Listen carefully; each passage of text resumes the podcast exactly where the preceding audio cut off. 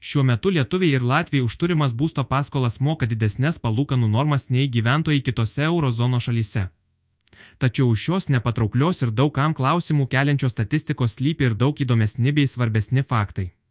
Europos centrinio banko ECB duomenimis, praėjusiu metu pabaigoje vidutinės visų išduotų būsto paskolų palūkanos Lietuvoje pakilo iki 3,5 procento, kai tuo metu Ispanijoje jos siekė 2,7 procentai, Eurozonos vidurkis buvo 1,8 procentai, o Vokietijoje vos 1,7 procento. Pabrėžtina, kad čia kalba eina ne tik apie naujai išduodamas, bet visas iki šiol šiuose šalyse išduotas būsto paskolas. Tokie dideli palūkanų normų skirtumai susidarė dėl to, kad skirtingose šalyse gyventojai priima skirtingus sprendimus - fiksuoti ar nefiksuoti būsto paskolų palūkanas. Beveik visos Lietuvoje išduotų būsto paskolų palūkanos yra kintamos, tai yra susijęto su tarbankinėmis palūkanų normomis Euribor. Dėl šios priežasties tais laikotarpiais, kai ECB kelia bazinės palūkanų normas, gyventojai, turintys paskolą su kintamomis palūkanomis, didėjančią pinigų kainą pajaučia iš karto. O bent keliems metams fiksavusių palūkaną šis pokytis kurį laiką nejaučiamas. Ir priešingai, kai rinkos palūkanų normos krenta, Visą naudą akimirksniu pasiima užkintamas palūkanas pasiskolinę gyventojai, o turintys fiksuotas palūkanas paskolų pigimo nejaučia. Todėl lyginant būsto paskolų kainą tiksliau yra analizuoti ne momentinį vaizdą, o bent ilgesnio laikotarpio vidutinės gyventojų mokamas palūkanas. Ir čia paaiškėja daugeliu greičiausiai netikėtas faktas. TCB duomenys rodo, kad Lietuvos būsto paskolų turėtojai per paskutiniuosius dešimt metų mokėjo vienas mažiausių palūkanų normų eurozonoje. Per šį laikotarpį vidutinės būsto paskolų palūkanos Vokietijoje siekia 2,78 procento, Prancūzijoje 2,43 procento, eurozonos vidurkis 2,42 procento, o Lietuvoje ir Estijoje tik 1,9 procento. Kitaip sakant, pasirinkę nefiksuoti būsto paskolų palūkanų lietuviai pasiemė visą žemų palūkanų dešimtmečio naudą, kurią negalėjo pilnai mėgautis, pavyzdžiui, palūkanų normas fiksavę vokiečiai ar prancūzai. Vis dėlto tai nereiškia, kad pasirinkimas nefiksuoti būsto palūkanų visada yra optimalus. Į palūkanų normų fiksavimą reikia žiūrėti kaip į apsidraudimą nuo netikėtumų. Tai ypač aktualu tiems gyventojams, kuriems palūkanų normų padidėjimas gali išbalansuoti šeimos finansus. Ar lietuvių pasirinkimas nefiksuoti palūkanų yra išskirtinis? Tikrai ne. Labai panaši situacija yra ir kitose Baltijos šalyse, bei, pavyzdžiui, Norvegijoje, Australijoje ar Lenkijoje.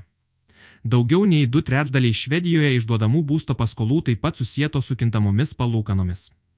Tuo metu kitose šalyse populiaresnis palūkanų normų fiksavimas, kuris apima bent dalį būsto paskolos trukmės laikotarpio. Tarp šių šalių yra JAV, JK, Olandija, Prancūzija, kur beveik visų būsto paskolų palūkanos fiksuojamos bent keliariems metams. Čia gyventojai renkasi išlaidų būsto paskolos aptarnavimui stabilumą, net jei tai reiškia, kad kartais reikės mokėti didesnės nei tuometinės rinkos palūkanų normas. Lietuvoje veikiantys komerciniai bankai suteikia galimybę apibrieštam laikotarpiui užfiksuoti palūkanų normas. Ir nors pernai pradėjus kilti Euribor atsirado daugiau klientų, besidominčių tokią galimybę, beveik nebuvo norinčių ją pasinaudoti. Kodėl? Dažnai gyventojai galvoja, kad palūkanų normų fiksavimas reiškia, jog bet kuriuo momentu galima pasirinkti tuo metu galiojančio Euriborų šaldymą. Tačiau tokios finansų alchemijos nebūna. Palūkanų fiksavimas įmanomas netometinėme palūkanų normų lygyje, o ten, kur rinkos prognozuoja jų vidutinį lygį pasirinktame ateities periode. Ir jį parodo išvestiniai finansų instrumentai - palūkanų normų apsikeitimo sandoriai NGL, Interestratės WP.